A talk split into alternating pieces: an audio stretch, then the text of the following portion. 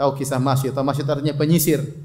Penyisir rambut putrinya Fir'aun. Dalam hadis yang uh, sahih, ya, tatkala Nabi sallallahu alaihi wasallam Isra Mi'raj, maka atat alayya raihatun thayyibah. Kata Nabi datang kepadaku bau yang sangat harum. Maka aku bertanya, Jibril, apa bau yang harum ini? Maka Jibril berkata, itu adalah harumnya Masyitah, ya, penyisir putrinya Fir'aun dan baunya anak-anaknya. Maka aku bertanya, Masya Anuha, bagaimana apa ceritanya tentang Masyitah ini?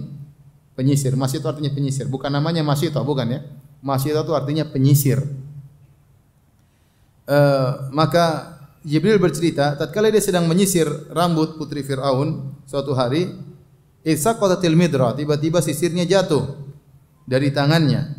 Maka dia berkata, Bismillah.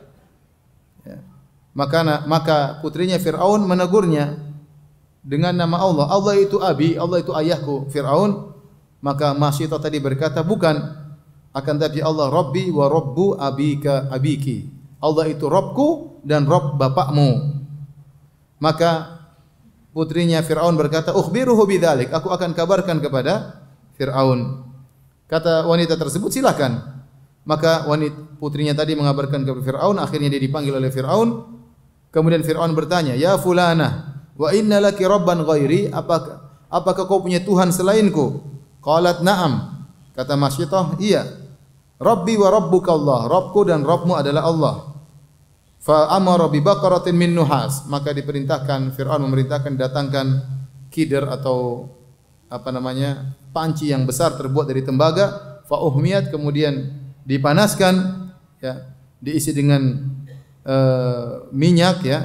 Summa amara biha an tulqa hiya wa auladuha fiha. Kemudian dia tidak mau kafir kepada Allah, tidak mau beriman kepada Firaun, maka diperintahkan Masyita dilemparkan bersama anak-anaknya. Kemudian kata uh, tatkala di dilemparkan ya maka anaknya dibunuh dilemparkan di dalam uh, kider atau apa tadi panci yang besar tersebut di depan di hadapan dia. Dia melihat satu demi satu satu dilemparkan. Dan ini ujian berat bagi wanita tersebut. Ya. dan Fir'aun sengaja dilemparkan satu supaya dia berubah di tengah jalan. Lempar satu mati di depan dia. Bagaimana buah hati ini lempar satu demi satu? Kemudian satu lagi dilempar satu lagi dilempar. Sampai akhirnya tiba anaknya yang paling kecil untuk dilempar sedang dia susui anak kecil tersebut.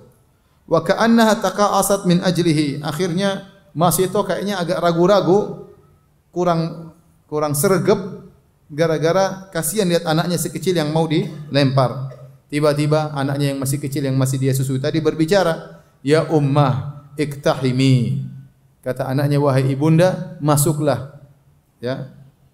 Masuklah dalam panci tersebut. Fa inna adzabad dunya ahwanu min adabil akhirah. Sungguhnya adab dunia lebih ringan daripada adab akhirat. Fakta hamad maka dia pun melemparkan dirinya ke dalam uh, panci yang berisi minyak yang sangat panas tersebut. Akhirnya dia meninggal dunia.